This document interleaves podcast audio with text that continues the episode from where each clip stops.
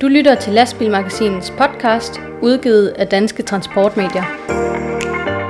Podcasten præsenteres af Volvo Trucks. Vi hjælper med at holde Danmark i gang og vores kunder godt kørende. Velkommen til denne udgave af Lastbilmagasinet podcast, hvor vi endelig er tilbage i vante rammer, efter at have været på farten til øh, forskellige messer og træf her i, i de seneste uger. Og velkommen til dig, Jakob Bagmand. Tak skal du have, og i lige måde. Det er jo en lidt decimeret udgave i dag. Vi sidder bare også to. Ja, Rasmus. det er kun dig, jeg kan byde velkommen til i dag. Ja. Øh, vores øh, tredje ben i taburetten, podcast Taburetten. Ditte, hun, øh, hun er simpelthen øh, blevet så hårdt ramt af efteråret, at øh, hun måtte melde forfald i dag. Så øh, det er dig og mig, Jakob, til at tale om lastbiler og transport i dag. Og det skal nok blive godt. Vi gør vores bedste. Jeg er helt sikker på, at vi klarer det godt os to. Det skal nok gå. Vi skal øh, blandt andet tale om nye øh, el-lastbiler. Vi skal tale med en øh, erfaren transport- og organisationsmand, som øh, har takket af og har et par skarpe ord i, øh, til branchen og om branchen i den forbindelse. Vi skal høre lidt om et alternativt bud på en øh, brintlastbil. Vi skal som altid quizze, vi skal have de korte nyheder, og så skal vi selvfølgelig også uddele skulderklappe til sidst i udsendelsen. Men først og fremmest, så skal vi jo byde velkommen til dig, der har valgt at lytte til denne udgave af Lastbilmagasinets podcast, der som altid er præsenteret i samarbejde med Volvo Trucks og Euromaster. Podcasten præsenteres af Euromaster. Fra Aalborg til Padborg, fra Holstebro til København, og nu også i Vejle ved DTC og i Logistikparken i Brabrand. Sammen med KH One Stop giver vi dig nu One Stop Service. Fra dæk til trailer, så du kan komme hurtigt afsted igen.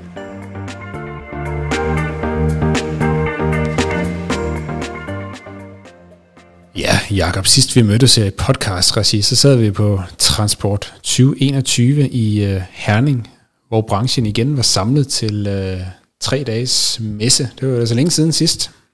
Det var det jo. Den var øh, blevet aflyst på grund af corona, så det var jo en udsat transportmesse i Herning, men det var jo, øh, det var jo en fest. Altså vi lavede podcast, der kom øh, folk dumpende forbi og ville fortælle en masse ting. Vi gik rundt i de her mange haller der, og vi fik jo gået en hel masse skridt, for der er jo virkelig mange øh, haller og afkroge og, og kigge rundt i, når man sådan er til, øh, til messe i Herning. Jeg synes, øh, der var en fed stemning derovre. Altså, folk havde glædet sig til at komme ud. Der var nogle gode øh, arrangementer rundt omkring på, øh, på standene. Der var sådan nogle små pop-up arrangementer. Vi hørte blandt andet noget om grøn transport. Vi hørte noget om chaufførmangel. Vi hørte noget om fremtidens drivmidler. Vi, øh, vi fik nogle mange, mange gode ting med derfra, synes jeg, og fik snakket med en masse folk. Sådan, øh, er det ikke også dit indtryk af, af messen?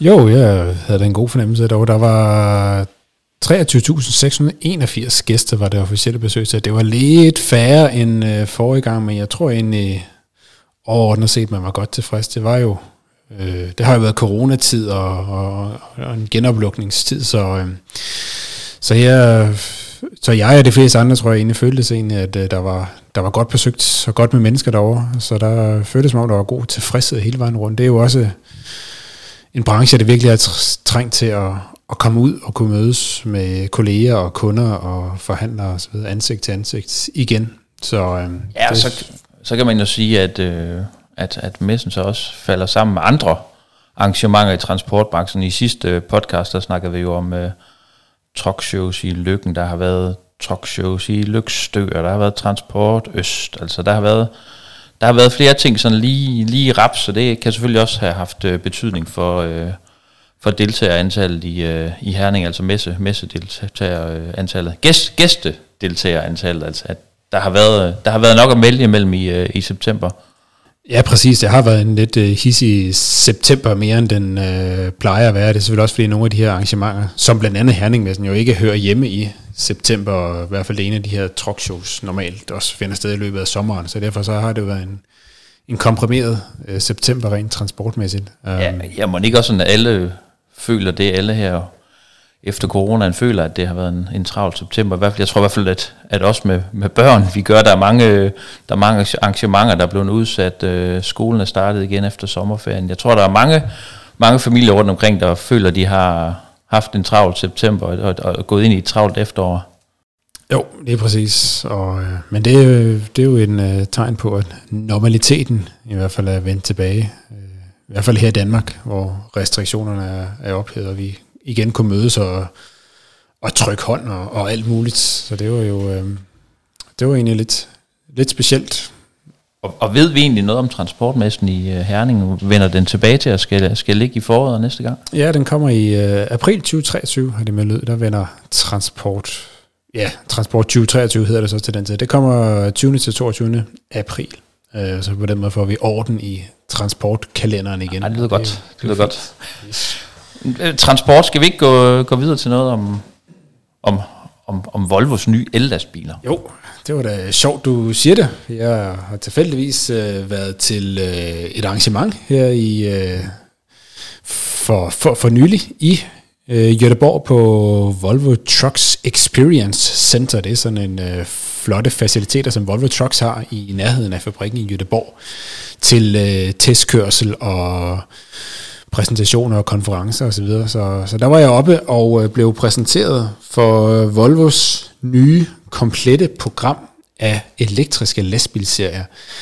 Øh, Volvo Trucks de er jo øh, virkelig gået øh, foran og er i hvert fald lige nu first mover inde på det elektriske felt. Altså de har øh, som de første lanceret sådan et, et komplet program af elektriske lastbilserier, lige fra de små FL og FE, som øh, blev præsenteret her for, for et par år siden, og nu også til de tunge FH, FM og FMX lastbilserier. De er altså nu alle sammen lanceret i elektriske udgaver.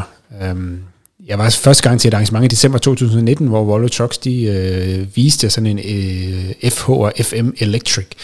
Men dengang der var det med, med sådan nogle lidt øh, drivline, som de havde kopieret fra de, fra de små FL-serier. E- men øh, her i sommerens løb, der fik vi altså lov at prøvekøre de rigtige produktionsklare elektriske FH og FM med øh, den øh, store tunge eldrivline, som øh, går i produktion allerede fra, fra 2022. Øh, så det, det er altså gået noget hurtigere, end man nok lige havde forventet, at øh, Volvo har et fuldstændig komplet elektrisk lastbilprogram, og det var altså the real deal, som vi fik lov at prøvekøre her. Så det var virkelig, det var virkelig spændende at være oppe og kigge på. Øh, og vi kan sige om Volvos lastbil, tunge lastbilserier, så de går altså helt fra, fra 4x2 modeller op til 8x4 anlægsbiler og indtil videre til 44 tons vogntogsvægt. Og, og det man altid spørger om med elektriske lastbiler, det er jo rækkevidden. Ja, hvor lang er rækkevidden på sådan en fuld opladning? Det er jeg også interesseret i at vide. Ja, det kommer lidt an på, øh, hvad det er for en type bil. Altså en, en trækker, det vil omkring være, være omkring 300 km, og så vil det være 400 km for sådan en, en, en tung 6x2 forvogns lastbil. Øhm, og øh, det kommer selvfølgelig også an på, hvor mange batterier man har, har udstyret med. Men hvis man har øh, udstyret med de maksimale 6 batteripakker, så, øh, så kan man altså få op til 400 km rækkevidde på sådan en øh, tung elektrisk Volvo lastbil. Og øh, hvor lang tid tager det så at lade den op? Ja, altså det mest optimale er jo, øh, hvis man kan have dem holdende og lade dem op over natten. Øh, men hvis man har, har brug for at lade dem op i løbet af dagen, så kan man lade på halvanden time, kan man lade sådan en, øh, en lastbil op til 80% kapacitet. Altså burde man i hvert fald være i stand til at køre, køre dagen færdig. Og hvor kan man for eksempel gøre det hen så? Ja, det er jo så det, øh, det er jo den store udfordring så med elektriske lastbiler. Det er jo ladenetværket. Øh, hvis man investerer i sådan en elektrisk lastbil, så skal man i hvert fald have en ladestation hjemme på egen matrikel eller på firma domicilet, hvor de selvfølgelig kan lade op, når de er hjemme eller holder hjemme for natten. Men øh, Problemet er jo lidt, som du, øh, som du siger, Jacob, at øh, hvis man holder ude et sted, så, så skal der være øh, et sted, man kan lade op, hvis ikke man lige har mulighed for at vende hjem til, til egen adresse i løbet af dagen. Og øh, ja, det er jo udbygning af det her netværk, som er den, den, en af de helt store hørtler ved øh, elektriske lastbiler. Det er jo offentlige ladestationer til elektriske lastbiler. De øh, er i hvert fald stadigvæk øh, et stykke ud i fremtiden, og ellers så snakker man jo om, at det kunne være smart at have dem placeret strategiske steder ved store terminaler eller andre transportknudepunkter. Det var også noget af det, der blev påpeget, da jeg forleden var til øh, indvielsen af Danske Fragments øh, lastbil, sådan en Fuso E-kanter i Aarhus til distribution inde i bymidten, den kan køre, øh, nu siger jeg i situationstegn, kun 100 km på en, op til 100 km på en, på en opladning, og det, noget af det, der blev påpeget, det er jo også, at der mangler simpelthen mulighed for, for at lade op med de her biler her. Det kan godt være, at teknikken er der, men, men infrastrukturen bagved, den mangler jo stadigvæk, så det, øh, der skal ske noget omkring elnettet, der er noget, der skal rulles ud, før det her det bliver optimalt kørende. Ja, det øh, har du fuldstændig ret i, Jakob. Det er jo også derfor blandt andet nogle af de store dyr i lastbilskoven, altså Volvo og Daimler Trucks og Traton Group, som blandt andet har i menneske, de er jo gået sammen om at, øh, at etablere et øh, stort net af elektriske ladestationer øh, over hele Europa, men det er jo langt fra nok til at dække, øh, i hvert fald for at skubbe udviklingen i gang, og det er jo selvfølgelig langt fra nok til at dække øh, hele behovet. Så øh, det er en af de store udfordringer med elektriske lastbiler, som øh, venter i det kommende. Vi kan øvrigt sige for, for de her tunge Volvo-lastbiler, altså det er ikke fordi, at øh, man mangler ydeevne på selve lastbilen. Ellers. Altså, de, øh, de kører med tre elmotorer, og så sådan en iShift gearkasse i en elektrisk tilpasset udgave. Øh, effekten på sådan øh, de her elmotorer, det er 490 kW, som man jo altså måler sådan en elmotor. Det svarer nogenlunde til 660-70 hestekræfter, og så har den altså et moment på op til 28.000 newtonmeter. Og øh, hvis man skulle være i tvivl om, hvor, hvor hisset det er, så kan vi sige, at øh, sådan en, den stærkeste diesellastbil, vi har i dag, det er sådan en Scania V8 770, den har omkring 3.700 Nm, så, så de her øh, elmotorer, de har jo altså bare en, en trækkraft, som, som det er i hvert fald ikke der, øh, problemet er på, øh, på de her øh, lastbiler. Hvor meget koster det ekstra, hvis man øh, står som vognmand og vil investere i en el-lastbil? Altså, hvor meget skal man hoste op med? Ja, der træder du på endnu et ømt punkt, Jakob. Ja, det kommer jo lidt an på, hvad det er. Er det en stor øh, er det en, en, en distribution, eller hvad, hvad, hvad er den til? Men man taler om sådan et sted mellem ja, op til 3-4 gange så dyrt for sådan en ellastbil, og måske hvis det er de lidt mindre, så er det måske sådan 2-2,5 tre gange så, så dyrt som en tilsvarende diesellastbil. Men øh, det siger jo sig selv, at det betyder jo også, at det ikke kommer til at, at blive rullet ud af sig selv. Der skal jo nogle, øh, nogle øh, særlige incitamenter til. Øh, det skal være nogle forsøgsordninger eller, eller nogle kunder, der går ind og giver håndslag på, at vi betaler gerne den her mere, mere pris for at gå, gå foran. Øh, så, så, så der er et, et stykke vej øh, endnu. Øh, men, men, men øh, ifølge Volvos beregninger, de siger faktisk selv, at man mener, at man allerede i 2025-26 vil kunne nærme sig sådan en ligestilling mellem drivlinerne, altså sådan rent øh, økonomisk bæredygtighed, men der er selvfølgelig mange usikkerheder i sådan en beregning. Det handler også om, at øh, det forudsætter selvfølgelig, at man, at man får de her lastbiler rullet ud i større antal, for det er klart, at jo flere der bliver produceret af dem, så vil der selvfølgelig også øh, ske en øh, reduktion i, i omkostningerne ved at producere dem, jo flere man kan, man, man kan producere. Man mener altså på for eksempel renovationsbiler, vil der måske kunne gå endnu hurtigere med at få, få bæredygtighed i, øh, i økonomien. Um, og øh, det kræver selvfølgelig også, at det politiske nu kommer til at blive en mere aktiv medspiller i at få, i at få simpelthen få rullet nogen ud på vejen, for ligesom at skubbe den her snibbolds-effekt i gang, som man jo håber, det kan blive. Ved vi egentlig noget om, hvor mange ellastbiler, der kører rundt i, i Danmark i dag? Altså på danske plader? Mm, ja, det ved jeg ikke. Det kan ikke, jeg har ikke lige nogen specifik statistik. Det er ikke ret mange i hvert fald, fordi vi, vi får jo nærmest en pressemeddelelse hver gang, der bliver leveret en enkelt. Nu, øh, Jacob, du siger, at du var ude og kigge på sådan en... Øh, en Fuso. En Fuso. Der blev, de første blev leveret for et par år siden, da, da, da Daimler de rullede de første par stykker ud i Danmark, og der, det blev markeret med pomp og pragt her i, jeg tror det var december 19. Yeah. Og siden har, ja det var danske fragtmænd, der fik en, de fik også en for et par måneder siden, så de har i hvert fald fået to. Så det er jo en fire stykker af dem. Ja, så havde man egentlig Åben Rå, der skulle ud og køre, ja. køre renovation her for en tre år ja. siden eller sådan noget. Ja, der kører nogle, nogle renovationslastbiler. Så kører der også nogle på Frederiksberg og sådan nogle uh, renovationslastbiler. Så MAN's nye el-lastbil, der Arla kører med en, men det er jo, vi sidder og snakker om en der, en der, en der, så det er jo øh, det er nogle ganske få hænder, man nok kan, kan tælle dem på indtil videre. Men øh, det bliver spændende at se om et år, om vi øh, har set en, øh, en øh, mange dobling, øh, en eller anden form for multidobling af det tal. Det, øh, det er jo den vej, det gerne skulle gå, hvis alle de her ambitioner, de skal, de skal gå, øh, gå op. Øh, jeg kan jo sige fra den her øh, arrangement, jeg var til i Göteborg, hvor vi jo faktisk fik lov at køre i de her tunge Volvo el-lastbiler, som jo er de øh, modeller, som, som øh, går i produktion i næste år. Det var, øh, som det så ofte har været, øh, en virkelig god oplevelse at køre i de her el-lastbiler. Altså for det første, så er der jo bare det her med, at man, øh, det er jo noget helt nyt at sidde i sådan en tung lastbil, og den måde, den accelererer på, det er jo, øh, det, det, er jo skønt. Det tror jeg hurtigt, man kan vende sig til. Som chauffør, det gør jo også rent lavpraktisk. Det er jo nemmere at følge med bytrafikken, men øh, ikke den der skildpadde, hver gang man holder ved, ved et lyskryds. Øh, så, så det burde hjælpe med til at give en mere glidende trafik, og der er jo meget mindre støj fra lastbilen. I hvert fald når man kører med lav fart, så er det jo egentlig mest øh, opbygningen, der knirker lidt. Det er jo sådan set øh, mest den lyd, man, man hører. Og jeg er da ikke i tvivl om, at man meget hurtigt vil kunne vende sig til at, øh, at øh, køre med den behagelige lydkomfort. Øh. Det må være et stort løft for, for arbejdsmiljøet, ikke at skal, skal sidde i støjen, altså at den, at den støjer så meget mindre, den her ja lastbiler. Det var også noget af det, øh, chaufføren påpegede efter at have taget sin jomfrutur i den her øh, el-lastbil fra Danske Fragtmænd. Han havde kørt ned fra Aarhus Rådhus ud til Logistikparken i Brabrand, og han sagde, jamen altså, at han fortalte, at det var simpelthen en fornøjelse, det her med, at der er så meget mindre støj, når man sidder derinde i, øh, inde i kabinen. Så øh, et, et, et stort plus på det område, i hvert fald omkring arbejdsmiljøet.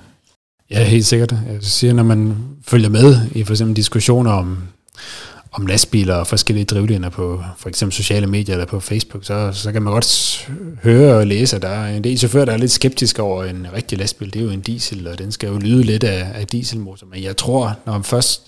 Jeg, jeg våger den påstand, at jeg tror, at de fleste chauffører, når først de har prøvet at vende sig til at køre sådan en elektrisk lastbil, så, så tror jeg, at der er mange, der vil, der vil opleve, at det, det, er virkelig, det er virkelig noget, der er godt for, for, for en hverdags oplevelse som, som chauffør.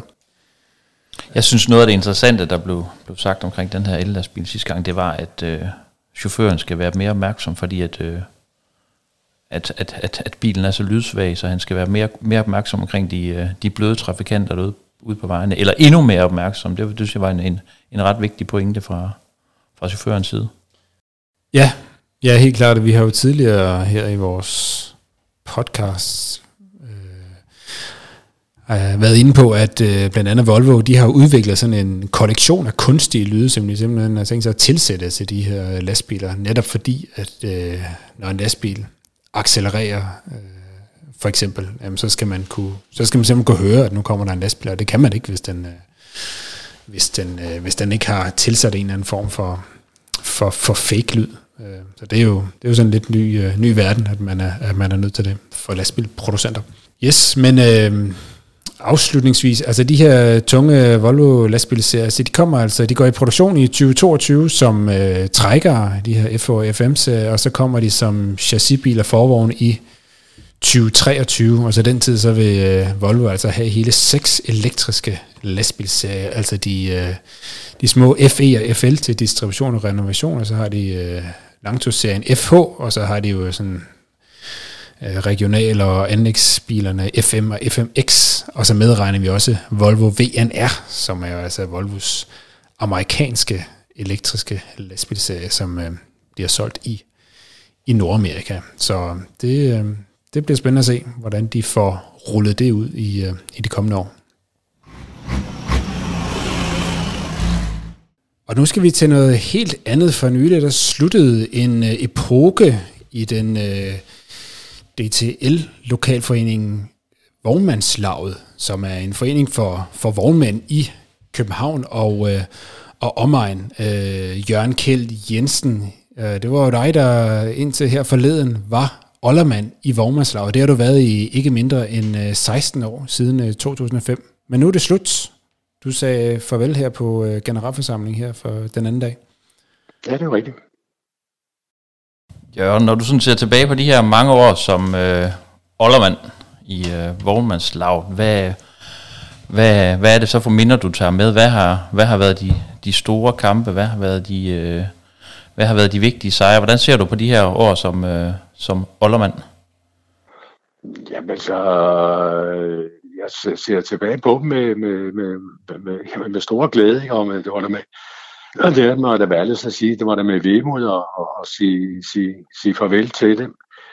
Men altså, alt, alt har og skal have en ende, og, og det, det var en ulykke sådan, så hvad det hedder, det skulle jo nødt gå sådan, så hvad det hedder, jeg vil ødelægge kongerækken ved, at, at Visholdermanden, som notorisk altid skal, skal overtage Ollermandssporten, der kunne risikere at dø før mig. Det ville være frygteligt. Så var hele kongerækken ødelagt.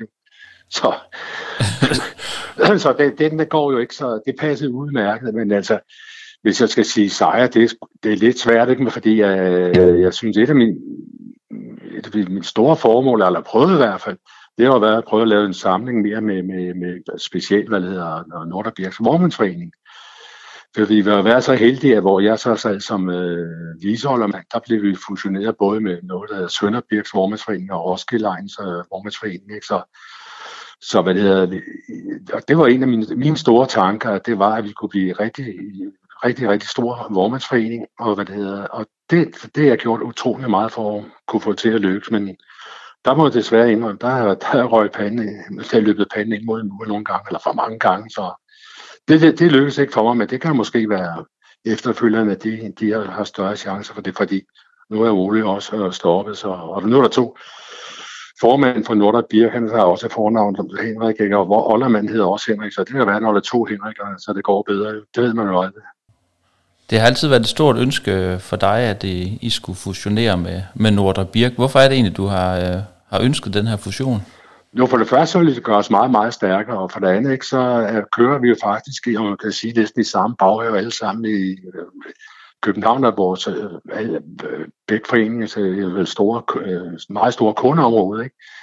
Og hvad det hedder, vi kører på kryds og tværs alligevel, og øh, vores medlemmer, de, de bruger hinanden så øh, meget, øh, når de har brug for hjælpeformen, hvad kald det, hvad du vil så er der, der, er ikke nogen, der er jo ikke nogen, der sidder og siger, jamen du kommer fra Nordlandsbil, eller du kommer fra Vormandslaget. Så, så bruger de hinanden, ikke? så det virker fuldstændig horribelt, at vi aldrig kunne finde ud af at lave sådan et, øh, en fusion. Ikke? Og vi, begge foreninger mister jo desværre medlemmer, for det gør vi ikke, fordi der er mange, de går af på alder, og, og nogen bliver opkøbt, ikke? så vi mister medlemmer. Og det vil så sige, at begge foreningers økonomi bliver presset. Altså, nu er vi jo så heldige, at vi er, er faktisk næsten god for lige, for, lige før vi er gode for 40 millioner, så, der, så vi, vi skal sgu nok klare os, men øh, det er ikke så meget det alene, men det er jo for bare det der øh, det sammenhold, der kunne blive ved, vi var en større forening, vi kunne gøre, gøre meget mere større indflydelse gældende. Så det er det, det, jeg synes, at jeg er ked af, at jeg ikke kunne komme igennem med. Nu siger du selv sammenhold. Tror du ikke også, at der er nogle medlemmer, der tænker, at noget af nærheden går tabt, hvis man øh, fusionerer de her to vognmandsforeninger? Jo, det er højst til, jo, men øh, øh, det er, det tror jeg mere, det er over på, øh, ikke fordi jeg skal tale ondt om og Birks, men det, det, det er over på Nordre Birks siden, tror jeg, fordi øh, og det er sådan gængs, det har jeg også hørt andre foreninger sige, om, jamen så, bliver, så bliver det ikke det samme, men altså, det, det, det, kan man ikke bruge i dagens Danmark i 2021. Ikke? Altså, så, så må man skulle lave nogle, nogle små øh, juletræsforeninger, hvor der kan man holde juletræsfester og skovture, ikke? fordi det er jo ikke det, der drejer sig om i dagligdagen. Altså, det, hvis man nu ikke kender Peter og Ole, så kan man ikke komme, lave foreningssamarbejde. Det, det passer jo ikke i dagens Danmark. Det er jo volapyk i mine øjne. Øh, øh, Jørgen Kjeld, hvis du skal sådan øh, male med den lidt øh, bredere pensel og se tilbage på øh, ikke bare øh, tiden i, i Vormerslag, men sådan i hele transportbranchen, altså hvis vi lige skal rise din egen historik op, altså du har jo været med til at drive øh, familiefirmaet Kjeld Jensen og Sønder, øh, hvor du var, var en af sønnerne som, som anden generation øh, i, i dit øh, familiefirma, øh, indtil I solgte firmaet i, i 2005, og siden så har du taget en øh, 16-årig tørn her for, for vormandslaget. Men hvis du ser tilbage på, på vormandsbranchen, sådan bredt set i, i din tid, øh, hvad, det, det er et lidt stort spørgsmål, men altså, hvad, hvordan, hvordan ser du på det?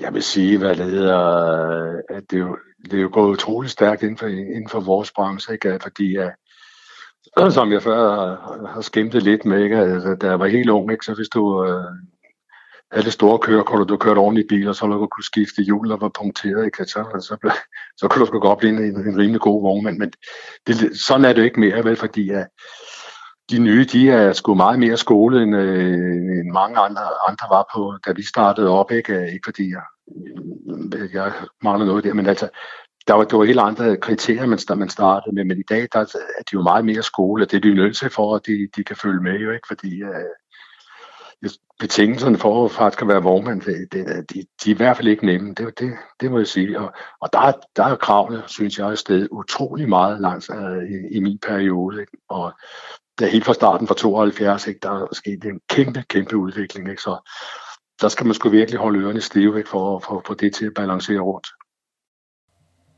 Noget af det, som øh, man lægger mærke til, når man øh, taler med dig, og når man ser nogle af de beretninger, du har holdt gennem årene på, øh, på, på generalforsamlinger, eller lavsforsamlingen, som I vist kalder det i, i Vormandslav, det er, at, at du kommer med nogle gange med nogle, øh, med nogle øh, udmeldinger med noget slag i. Og øh, i torsdags på, på lavsforsamlingen, der siger du også, at i lastbilbranchen kan vi afgiftsmæssigt blive presset så hårdt, at vi tvinges til at tage de mere barske metoder i brug. Kan du ikke lige fortælle, hvad det, hvad det handler om? Hvad, hvad, hvad er det af tanker, du gør der om de barske metoder? Nå jo, men altså, jeg havde for, du kan snart ikke huske, om det var to, år 2000 eller det sidste her, Når, hvad, hvad det hedder, havde jeg også et indlæg, hvor jeg var, hvor jeg var, på, jeg var lige sige, næsten på hele forsiden af Berlingen, hvor jeg, som et stort billede, hvor jeg så sagde, at vi lukker Danmark. Og hvad det hedder, og det fik jeg meget, jeg har både ros og ris for, ikke? men altså, jeg fik også meget ros. Ikke? Og, jeg, det, og det jeg mener, altså, vi, vi, vi kan ikke blive ved med egentlig, at, øh, at det vognmændene skal opfinde den dybe tallerken hele tiden, for det koster hunde mange penge.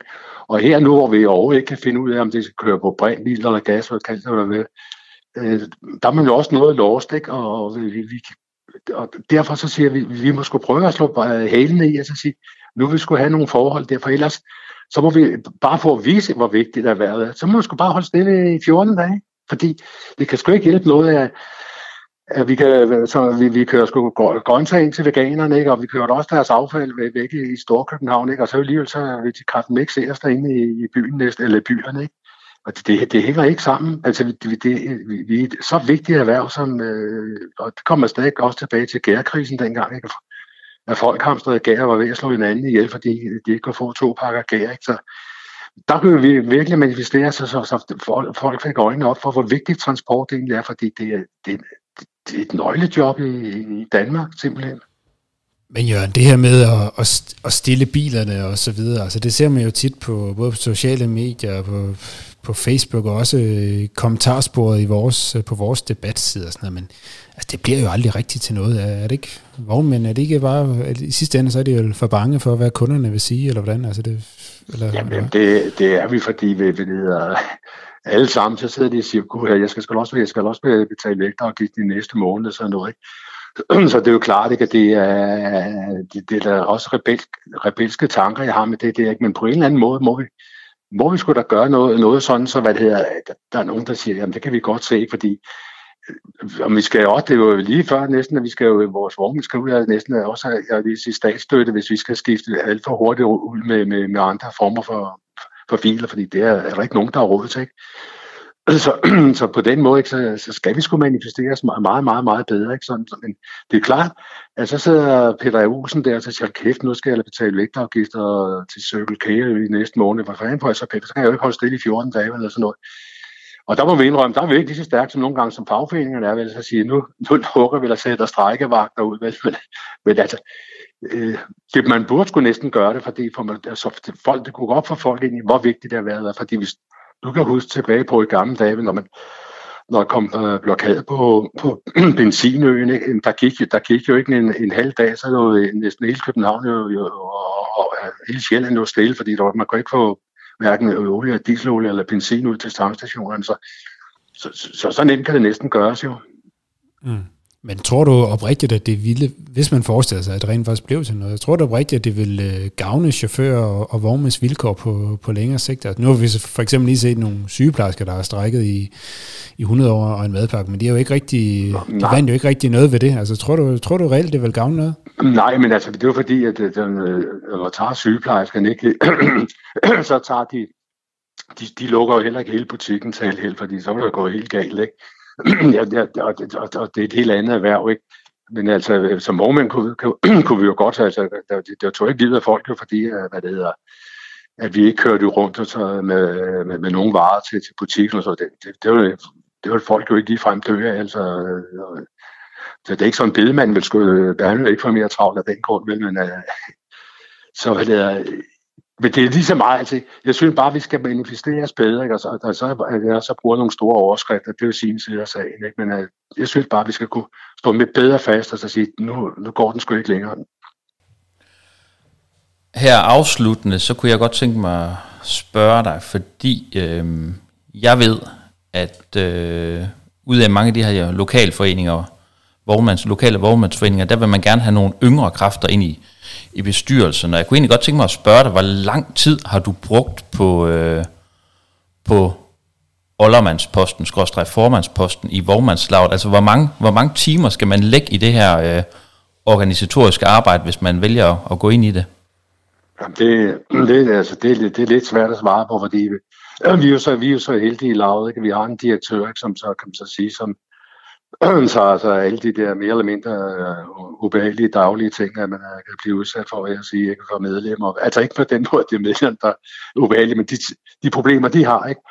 Og så på den måde, der har jeg sådan set jo et, et kan man så sige, i den forbindelse, det er lidt, noget nemmere job end, med andre lokalformer, hvor de mere eller mindre selv må, må sidde og klare alt sådan noget, efter, jeg vil lige sige, efter aftensmaden. Ikke? Så det er lidt svært at svare, at svare på, ikke? Og hvad det er, og, hvor mange timer, og det har sgu aldrig gjort dobbelt, øh, men øh, når der var, jeg har brugt de timer, der skulle bruges, ikke? Og, og, og andet kan jeg sgu ikke sige det, men der må jeg så sige, der er jeg nok lidt mere heldig end de andre lokalformænd, som mange gange selv skulle klare mange af de der byrder, de blev belastet med. Altså, øh, og, og hvad, med det, hvad med dig selv, Jørgen? Nu øh, er du trådt af som, som Ollermann. Er du, er du færdig med transportbranchen, eller hvad, hvad med dig selv?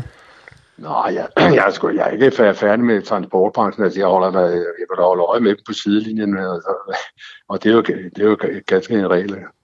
Jeg siger, gammel interesse og nysgerrighed, så det, kan, det, det holder man jo ikke op med. Og så, så er det så heldigt, at jeg stadig har øh, et par bestyrelsesjob stadigvæk i andre steder. Så, altså ikke inden for transportbranchen, men ja, det er jeg faktisk. Den ene er øh, CT, ikke? Og, og det er der tænkt mig at fortsætte med, ikke? Og, så længe de vil have en, ikke? Så, så, det, jeg, og, så jeg, jeg kan godt få tiden til at gå.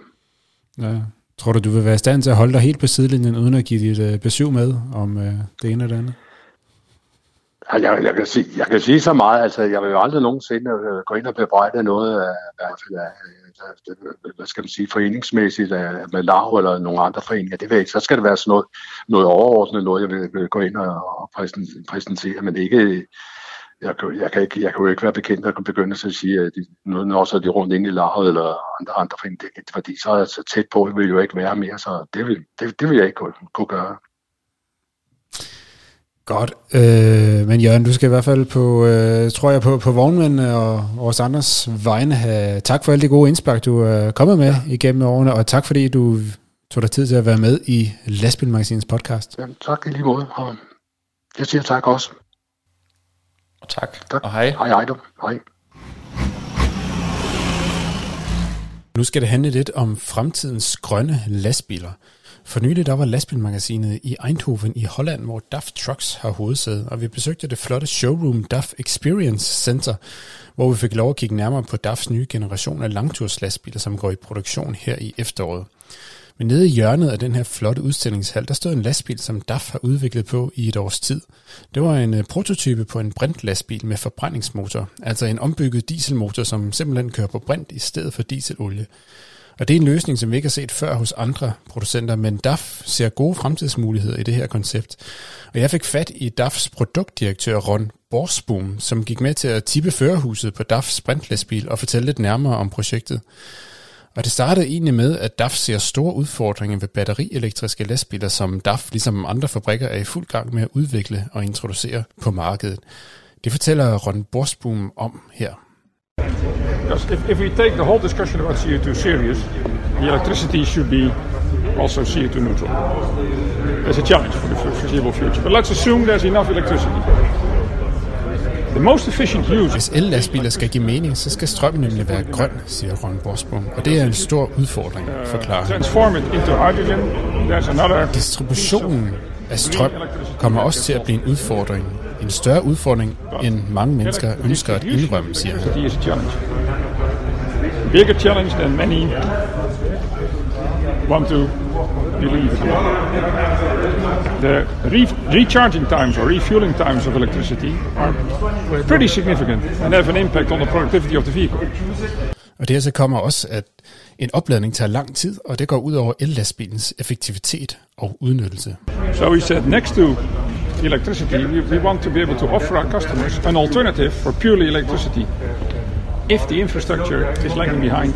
And if Derfor vil DAF gerne kunne tilbyde sine kunder et alternativ til ren eldrift, hvis nu ladenetværket fortsat vil sakke bagefter i fremtiden, og det stadigvæk tager for lang tid at lade op. So, what is the zero emissions, zero CO2 alternative for that? That's hydrogen. Uh, you can go to fuel cells or combustion engines. Og hvad er så det CO2-neutrale alternativ til el? Det er brint, fastslår Ron Borsbom. Og her er der to muligheder, nemlig en lastbil med brændselscelleanlæg eller forbrændingsmotor. De fleste fabrikker de har valgt den første løsning. Den går ud på, at man udstyrer en lastbil med brændstoftanke med enten flydende eller komprimeret brint, som føres ind i et brændselscelleanlæg, som via en kemisk proces omdanner brinten til strøm, som så bruges til at drive en elektrisk motor på lastbilen. Sådan meget kort fortalt i hvert fald. Men DAF tror altså på, at forbrændingsmotoren har nogle klare fordele i forhold til brændselsceller. Ron Bosbom han forklarer, at forbrændingsmotoren den er mere robust, og den er langt bedre til at komme af med den overskydende varme, og så er det bare en meget mere simpel konstruktion med en motor, der driver en bagaksel. Ejection. Groft sagt. And it's pretty straightforward. You have an engine, a prop shaft, and a rear axle. With a fuel cell, and the fuel cell, and the e-motor, and the batteries. Much more complicated uh, installation. Uh, that will be 700 bars. If, you, if, if it has to make sense, DAFs sprintlastbil er udstyret med tanke på, med komprimeret brint under et højt tryk på 700 bar, og det skal til for at give nok rækkevidde. Uh, men hvad er så egentlig rækkevidden på DAFs brintprototype? beat the range of a battery. What is the range of this one? Ah, small. small. This, is- this is probably about 150, 200 kilometers. Ja, rækkevidden den er indtil videre lille, mellem 150 og 200 km. Men på sigt, så har den potentiale til en rækkevidde på op til 700 km. Uh, bit dependent on the layout. Uh, could be as much as 600, 700 kilometers. Ron Bosbom han understreger også, at når vi snakker om fremtidens lastbiler, så bliver vi nødt til at tænke anderledes. Vi kan ikke sammenligne lastbilernes rækkevidder med det, vi kender fra dieseldrift, fordi så langt når vi aldrig med alternative drivmidler. Det er simpelthen ikke muligt, siger han. Never get to the levels of, of liquid fuel. Never. That's not possible. Men det er faktisk første gang, at vi ser en brintlastbil med forbrændingsmotor. Vil det så sige, at DAF er de eneste, der tror på den løsning? There's there's two responses possible to when you're the only one. Everybody else is stupid, or maybe we're overlooking something. uh, and, and neither is the case. Ja, hvis man er den eneste, der arbejder med noget, så er der to muligheder, konstaterer Ron Borsbom. Enten så er alle andre dumme, eller også så har vi selv overset noget. Men ingen af delene er tilfælde. Og for et år siden, der var DAF nok de første, der begyndte at kigge på den her løsning. Men i dag ser DAF, at mange andre aktører også har gang i lignende projekter. about a year ago, we probably were the first ones that started this discussion. But we, we see a lot of activity. When we talk about the big consultants in the world, we see they have projects running. When we talk some of our big automotive suppliers, we have activity. DAF Sprints motor, den er baseret på Packer MX-13, altså den 13 liters motor, som øh, DAFs største lastbiler i forvejen kører med i dieselversion. Den har DAF Trucks altså ombygget til at kunne køre på brint i stedet. To get power out of hydrogen as a fuel, you need somewhat bigger volume. For at få nok kraft ud af brint som brændstof, så skal man nemlig bruge den størst mulige motor, forklarer Ron diesel? Ydeevnen i uh, DAFs brintlastbil, den er endnu ikke lige så stærk som dieselmotoren, men på lang sigt, der er brintmotorens potentiale det samme som diesel, siger han. Og så kan man måske supplere med noget hybridteknologi til at give motoren lidt ekstra kraft, når det er nødvendigt. Then everything starts to come together. Maybe use a bit of hybrid technology to boost some torque and boost some power where you need it. Ron Bosbom understreger også, at når man forbereder sig på fremtiden, så kan man ikke nøjes med at forske i én energikilde eller én type drivlinje. Du er simpelthen nødt til at være forberedt på alt, og det er netop derfor, at DAF har udviklet den her type brintlastbil. You cannot prepare on just one single energy carrier or prepare on one single type of powertrain. You need to be basically prepared for everything. That's the whole design of the NGD is, is prepared for that. Men det betyder ikke, at DAF udelukker en brintlastbil med brændselsceller, fordi Vi er et stort firma, konstaterer Ron Borsman. Well, we're a big company. Og dermed henviser han til, at DAF er en del af den amerikanske Packer-koncern, som også rummer lastbilmærkerne Peterbilt og Kenworth, som kører test med brændselsceller i Kalifornien. We have uh, fuel cells. Som koncern kigger vi derfor på begge løsninger, siger Ron Borsbom, og lærer af hinanden. Og på et eller andet tidspunkt i fremtiden skal vi beslutte, hvilken løsning der satses på. Both options. We'll compare notes. We'll learn from each other. And at some point, we have to decide what's going to be next. Uanset hvad det ender med, så har DAF et klart formål med at udvikle den her brintlastbil med forbrændingsmotor. We just wanted to demonstrate to, especially to the uh, policymakers in the national governments in Europe, that it's very unwise to put a ban on the internal combustion engine. DAF vil gerne vise, at det vil være meget uklogt at forbyde forbrændingsmotoren, for der er nemlig en CO2-neutral løsning med forbrændingsmotoren, uden at bruge fossile brændstoffer overhovedet. Because there is a zero emission solution possible with an internal combustion engine. So no use of any fossil fuels at all. Let's not throw the knowledge base away. Let's not throw the manufacturing footprint away. Lad os nu ikke smide al vores viden væk, som fabrikkerne har opbygget igennem mange år, siger Ron Borsbom, der desuden har et klart budskab til politikerne i Europa. It's there. So please don't tell us what the right solution is. Let us figure out what the right solution is. Fortæl os ikke, hvad der er den rigtige løsning. Lad os finde ud af, hvad der er den rigtige løsning. Og vi tror på, at brintforbrændingsmotoren er en del af den løsning, og at vi alle skal tage den meget seriøst, før vi smider den væk. Demonstration that the hydrogen combustion engine is part of that solution. This is a, a great alternative, which we all should take very serious before throwing it away. Ja, det var altså ordene fra vores snak med Ron Borsbom, produktdirektør hos DAF Trucks, da jeg besøgte dem i Eindhoven for nylig. Og det kan lige tilføjes, at den her brintlastbil, som DAF har udviklet, det er ikke bare en demobil eller en koncept, konceptbil. Den er køreklar, og den kører i test på almindelig offentlig vej i og omkring Eindhoven i Holland. Om DAFs brintlastbil så nogensinde får det grønne stempel og går i rigtig produktion, ja, det får vi jo se i de kommende år. Podcasten præsenteres af Volvo Trucks. Vores kerneværdier bygger på kvalitet, sikkerhed og miljø.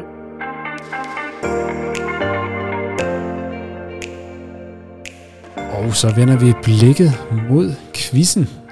Og øh, vi øh, skal lige starte med at følge op på quizzen fra, fra vores øh, forrige podcast. Der var vi ude i noget med en kendistrokker. Uh, øh, vi spurgte om en øh, kendt trokker, som senere var gået hen og blevet skuespiller. Det er sådan, at den øh, tilbage for efterhånden en 80-90 år siden, så var der en øh, ung mand i Skotland, som hed Thomas, som begyndte at øh, køre mælkebil i første omgang som medhjælper for sin far, og senere begyndte han selv at distribuere mælk ud til skotterne i øh, området omkring den skotske hovedstad Edinburgh. Den her unge mand, han hed Thomas, og han fik senere en øh, karriere på det store lade, blandt andet som James Bond, og øh, manden han hed, udover Thomas, så hed han også Sean til mellemnavn, og Connery til øh, efternavn. Og øh, det var der faktisk flere lyttere, der havde gættet. Og Jakob, du må være stand-in som øh, lykkens skud inde i denne udgave af vores quiz. Yes. Jeg dykker ned i koppen og finder en, der har svaret rigtigt. Og vinderen blev... Skal jeg lige pakke sedlen op her? Det blev... Det bliver Andreas Hansen fra Gislev.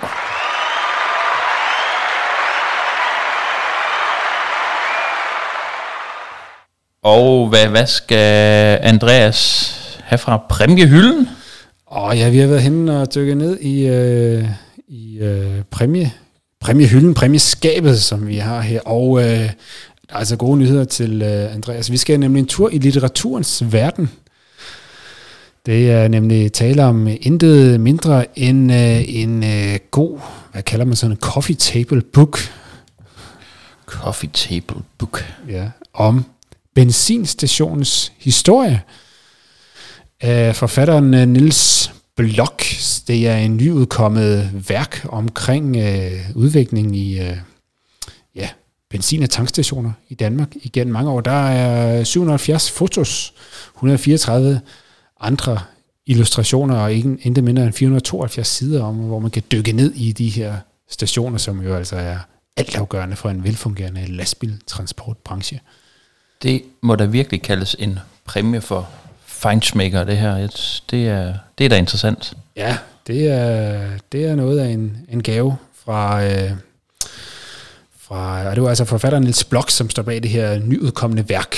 Og øh, stort tillykke til Andreas Hansen, og præmien den er på vej med en postbil til, øh, til Andreas. Gislev. Til Gislev, det er rigtigt. Yes. Så skal vi have sat gang i en øh, ny quiz, som vi skal udfordre lytterne med. Det kan være, jeg skal tage den. Vi skal øh, finde ud af, hvilken 83-årig vognmand fra Skævinge, der havde 60 års jubilæum den 7. september i år, altså en 83-årig vognmand fra Skævinge. Og Skævinge, der er vi over på, øh, på, ja, på, på, på din hjemmeegner, ja, Rasmus, eller hvordan? Ja, det er ikke langt derfra. Det er det nordlige Sjælland. Øhm, og øh, hvis man øh, øh, vil øh, deltage i quizzen, og ikke lige ved det, så kan man også gå ind på lastbilmagasinet.dk. Der havde vi nemlig et øh, interview med øh, denne her Still Going Strong vognmand fra fra Skævinge, som altså havde øh, omkring 200 gæster til øh, åben hus arrangement i forbindelse med sin, sin rundedag for nylig. Og det har han jo altså fortalt om på, øh, på lastbilmagasinet.dk. Vi kan, han, øh, øh, hvad hedder det, æblet er ikke faldet så langt fra stammen, i hvert fald af den ene af hans sønner, som hedder Anders. Hans, øh, hans Volvo, grøn, han kører selvfølgelig i grønne biler, ligesom sin far. Hans øh, flotte kranvolvo, den var altså på forsiden af lastbilmagasinet nummer, nummer 8. Så det kan man jo gå ind og tjekke ud, og måske komme endnu tættere på det, på det rigtige svar. Ja, så øh, Vær med, deltag, skriv til os på redaktionsnabelag.lastmagasinet.dk eller på, øh, på øh, via Facebook, Messenger eller Instagram eller noget andet. Vær med og vind en øh, lækker præmie fra, fra præmiehylden i næste podcast. Podcasten præsenteres af Euromaster. Flere kilometer for færre penge – Kør bæredygtigt med Euromaster og udnyt det fulde potentiale af det dæk, som du allerede har købt. Opskæring giver dig op til 25% flere kilometer.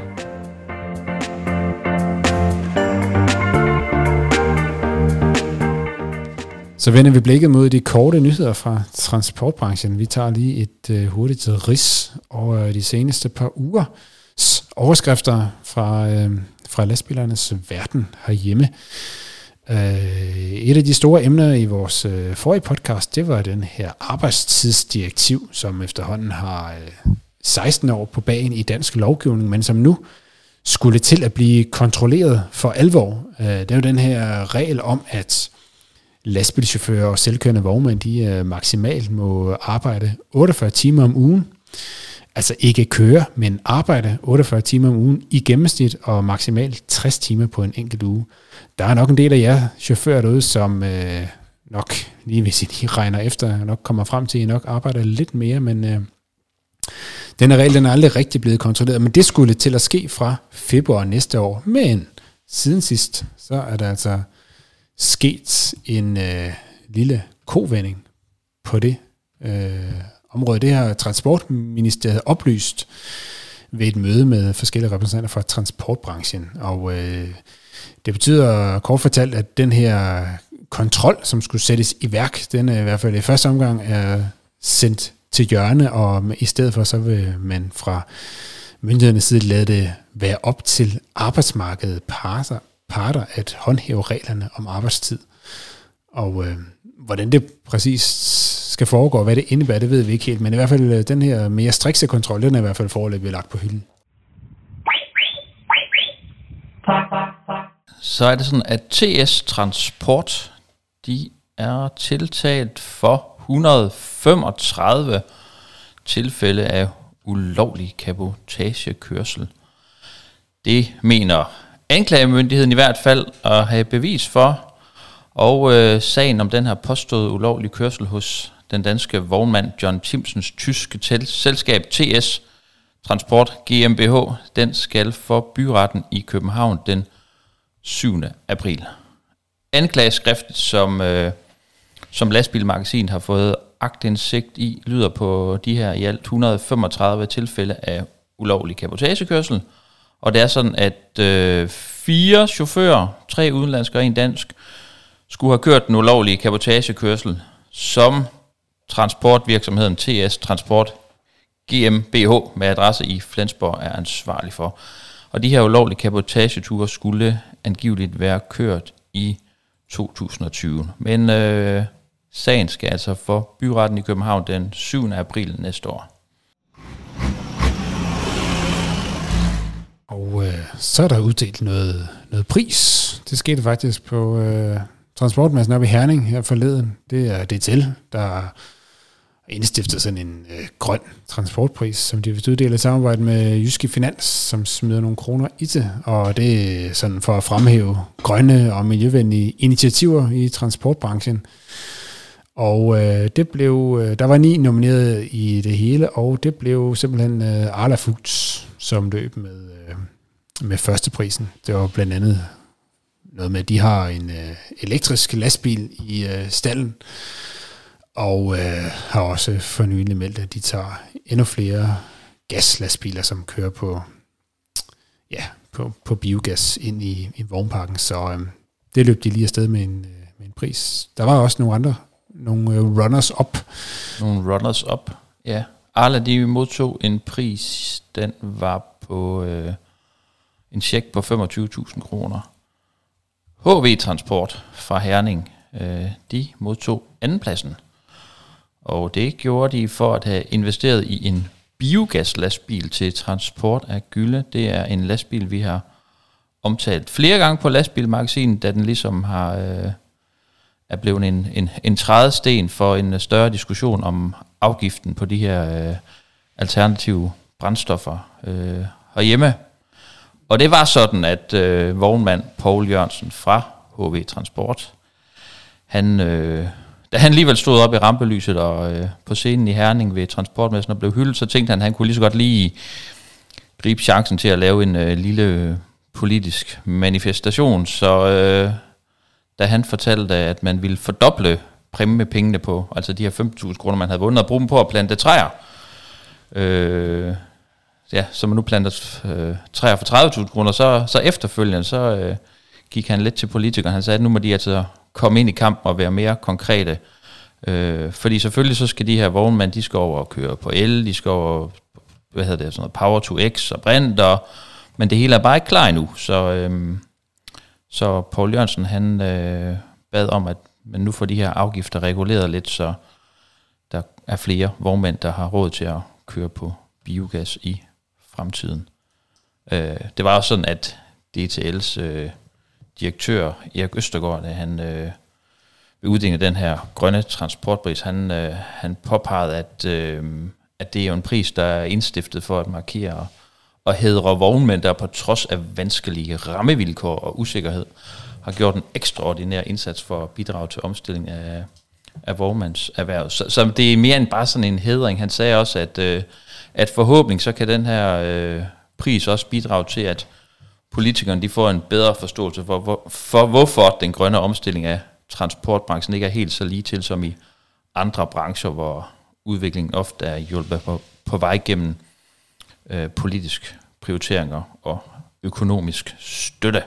Så øh, der var også, også flere ting i det her med den grønne pris. Det, var også lidt, det blev lidt en, en, en manifestation for, for vognmændene derude. Ja, Øh, så er der lidt nyhed fra tankbranchen i Danmark. Det er to af de store aktører inden for øh, tanktransport i Danmark. Det er Hans Jensen Transport og J. Christian Koldkur Transport. De har slået pjalterne sammen, eller det er jo så egentlig Hans Jensen Transport, der har overtaget Koldkur øh, firmaet, og dermed fordobler deres flåde af biler og bliver en endnu større aktør inden for tanktransport i Danmark. Og den her fusion, den er altså sket med virkning fra midten af september i år. Så øh, nu vil den her nye, endnu større aktør vil altså have mere end 100 lastvogne og 150 trailere i tankbilsflåden.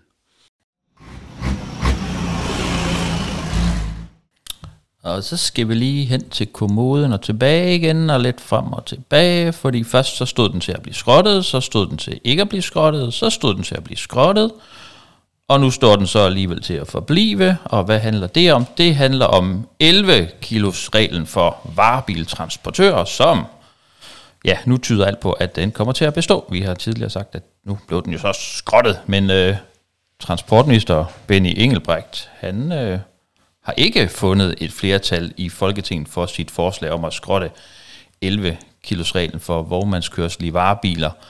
Det er sådan, at med reglen, der er varebilvognmænd indtil i dag sluppet for at skulle have vognmandstilladelse med mere, hvis de kører med kolli under 11 kilo.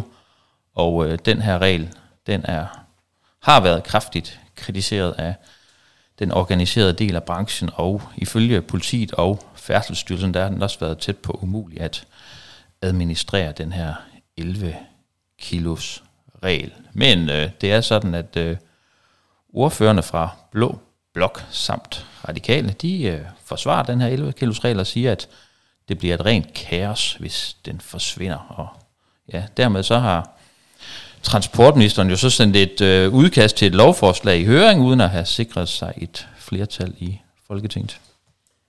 Ja, det må man sige. Det er et af de mere mystiske forløb i dansk øh, transportpolitik sådan her inden for, inden for det seneste. Um, det har jo ikke været nogen hemmelighed, at transportministeren øh, virkelig har, har arbejdet hårdt på at få den her 11 kg regel afskaffet her i et, i et stykke tid. Men øh, der har jo altså været et flertal med de blå partier og, og de radikale, som altså har været imod afskaften. Men, øh, men, øh, men det er ikke ret længe siden, nogle få dage eller uger siden, at øh, pludselig så havde man altså alligevel fundet et flertal for at afskaffe det, men øh, ja, det havde man så ikke alligevel. Så det, øh, ja, det, der må være nogen, der har kludret i noget kommunikation et eller andet sted der. Så men, øh, lige nu der ser det ud til, at 11 kilo den bliver, hvor den er. Vi kan lige øh, kigge på en, en ny synslov for de danske opbyggere. Den øh, har været på vej i, i årvis, og det har skabt lidt røre og øh, vel nærmest kaos og panik i opbyggerbranchen op til, at øh, der skulle træde en ny synslov i kraft fra 1. januar 2022. Det vil betyde, at danske opbyggere skulle til at leve op til helt nye krav for dokumentation og godkendelse af opbygninger af danske lastbiler og påhængskøretøjer. Men altså simpelthen her i den 11. time, der er de nye regler for, for syn og godkendelse, de er taget af bordet, efter at de altså som sagt har været undervejs i, i flere år. Øh, Øh, Færdselsstyrelsen og Transportministeriet var ellers på vej med et øh, lovforslag, som skulle fremsættes i Folketinget i oktober, og, øh, men det bliver det altså ikke alligevel, og det kommer altså efter, at der har været sådan en høringsrunde, hvor den, den nye lov fra, øh, ja, fra, fra en bred opbyggerbranche og vognmandsbranche altså har været kraftigt kritiseret for, at det, øh, det vil være virkelig uoverskueligt for rigtig mange, især små og mellemstore opbyggere herhjemme, som vi også har, har rigtig mange dygtige af herhjemme, men det vil være meget, meget vanskeligt at leve op til, øh, til det. Og øh, derfor så har man øh, nu taget de her øh, til det her lovforslag, trukker trukket det tilbage, og bolden er sendt tilbage til Færdsstyrelsen, som nu skal gentænke implementering af de her nye synsregler. Det betyder altså, øh, ja hvad betyder det? Kort fortalt for opbygger og vognmænd, det betyder, at nye opbygninger af lastbiler og påhængskøretøjer, de skal altså fortsat godkendes ved synshallen, akkurat som de er i dag, eller bliver i dag. Men øh, det betyder ikke, at der kommer nok en ny synslov på et tidspunkt, fordi øh, hele det her råderi, det baserer sig på en EU-forordning, som på en eller anden måde skal indarbejdes i dansk lov. Men øh, indtil videre, så er det altså lige udskudt yderligere. Så øh, vi må se, hvad, hvad det ender med i, øh, i de kommende år. Og skal vi fortælle, at der har været i alt 37 sigtelser efter regler om dansk løn til udenlandske chauffører trådte i kraft. Det var sådan, at de her regler de blev indført fra 1. januar 2021.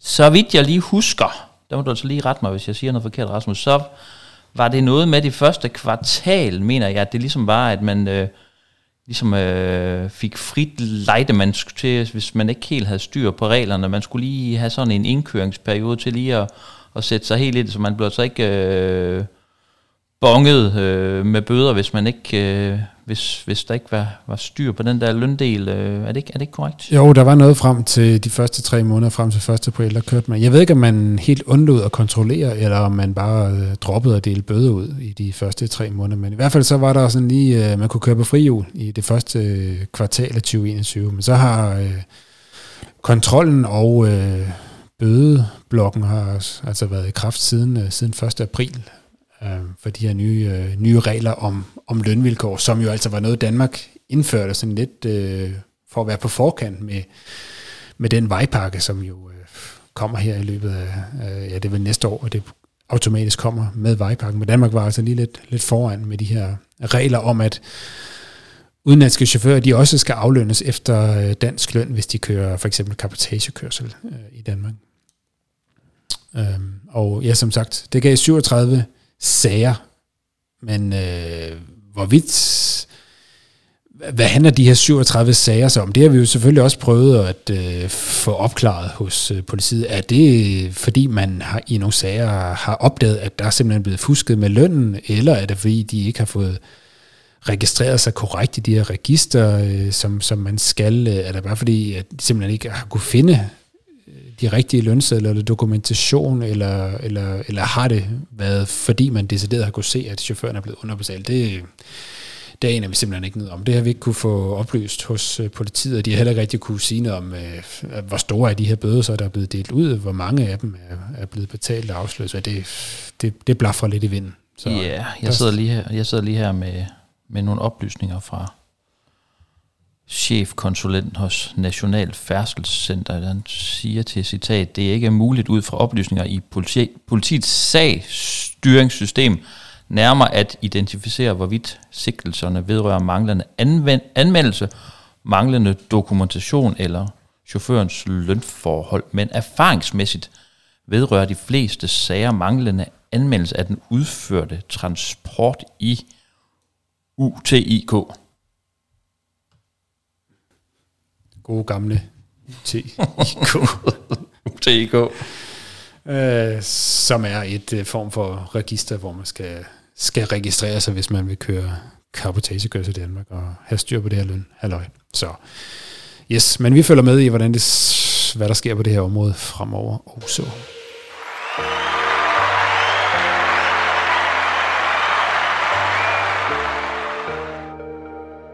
Så skal vi lige have uddelt et skulderklap Jakob. Hvad siger du til det denne gang? Jamen, jeg er ikke øh, så meget i tvivl. Vi snakker om chaufførmangel, at for få vil køre lastbil eller tage en uddannelse til godschauffør, gør vognmændene så noget ved det aktivt? Øh, ja, det gjorde de da i hvert fald på øh, transportmessen i, i Herning forleden det var sådan, at Vestjyllands Vognmandsforening tog ud med fire busser og hentede hele 110 unge mennesker fra den lokale skole Herningsholm. Og øh, de kom så til messe i Herning og blev øh, gelejtet ind i auditoriet, hvor Vestjyllands Vognmandsforening stærkt bakket op af en nylig uddannet godschauffør fra vognmand Gert Troelsen i Lind fortalte om alt det bedste, branchen har at byde på, og der blev trykket på de helt rigtige knapper, da der blev talt om friheden ved at tjene sin løn, mens man kigger ud af vinduet, om mulighederne for at få lille såvel som stort kørekort betalt under sin uddannelse, og så videre, og så videre. Og jeg synes, det var et godt initiativ, som Vestjyllands Vormandsforening har taget, og derfor så skal de have skulderklappet denne gang. Vi kan lige, du talte jo også med øh, Carsten Dyrborg over på selve messen. Vi kan lige høre, hvad, hvad han sagde, da du spurgte om til det her initiativ. Jamen, det har vi gjort, fordi at for det første mangler vi jo chauffører. Vi mangler unge mennesker, der vælger vores branche. Og så er vi selvfølgelig også, fordi vi vil lave noget reklame for os selv på en positiv måde. Hvordan har uh, eleverne taget imod mødet med, med jer i dag? Uh, rigtig positivt. Uh, så det, det bliver spændende at se, om vi har fanget, øh, lad os sige, vi bare har fanget 10 af de unge menneskers interesse for transport- og logistikområdet. Så har det været en succes.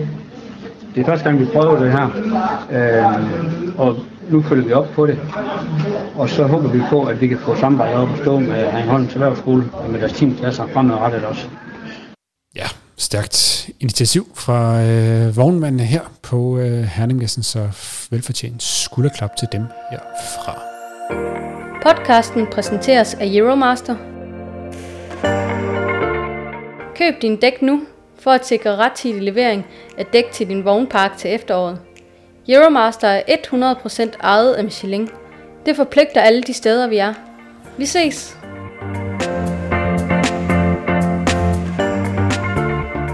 Det var, hvad vi havde valgt at tale om i denne udgave af Lastbilmagasinets podcast. Vi er som altid tilbage med øh, mere lyd om lastbiler og transport om øh, en 14 dages tid.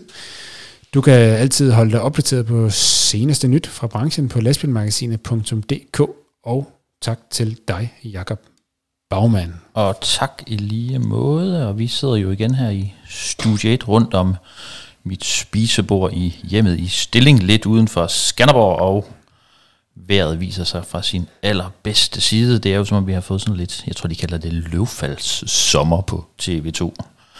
Men øh, vejret er godt, og øh, livet er herligt. Det er godt det her. Yes, ingen podcast uden en værmelding fra Jakob, og den er god i dag, og øh, det håber jeg også, I synes, vores podcast var. Jeg hedder Rasmus Hårgaard. Udsendelsen her, den er produceret af Stine Pilgaard og udgivet af Danske Transportmedier.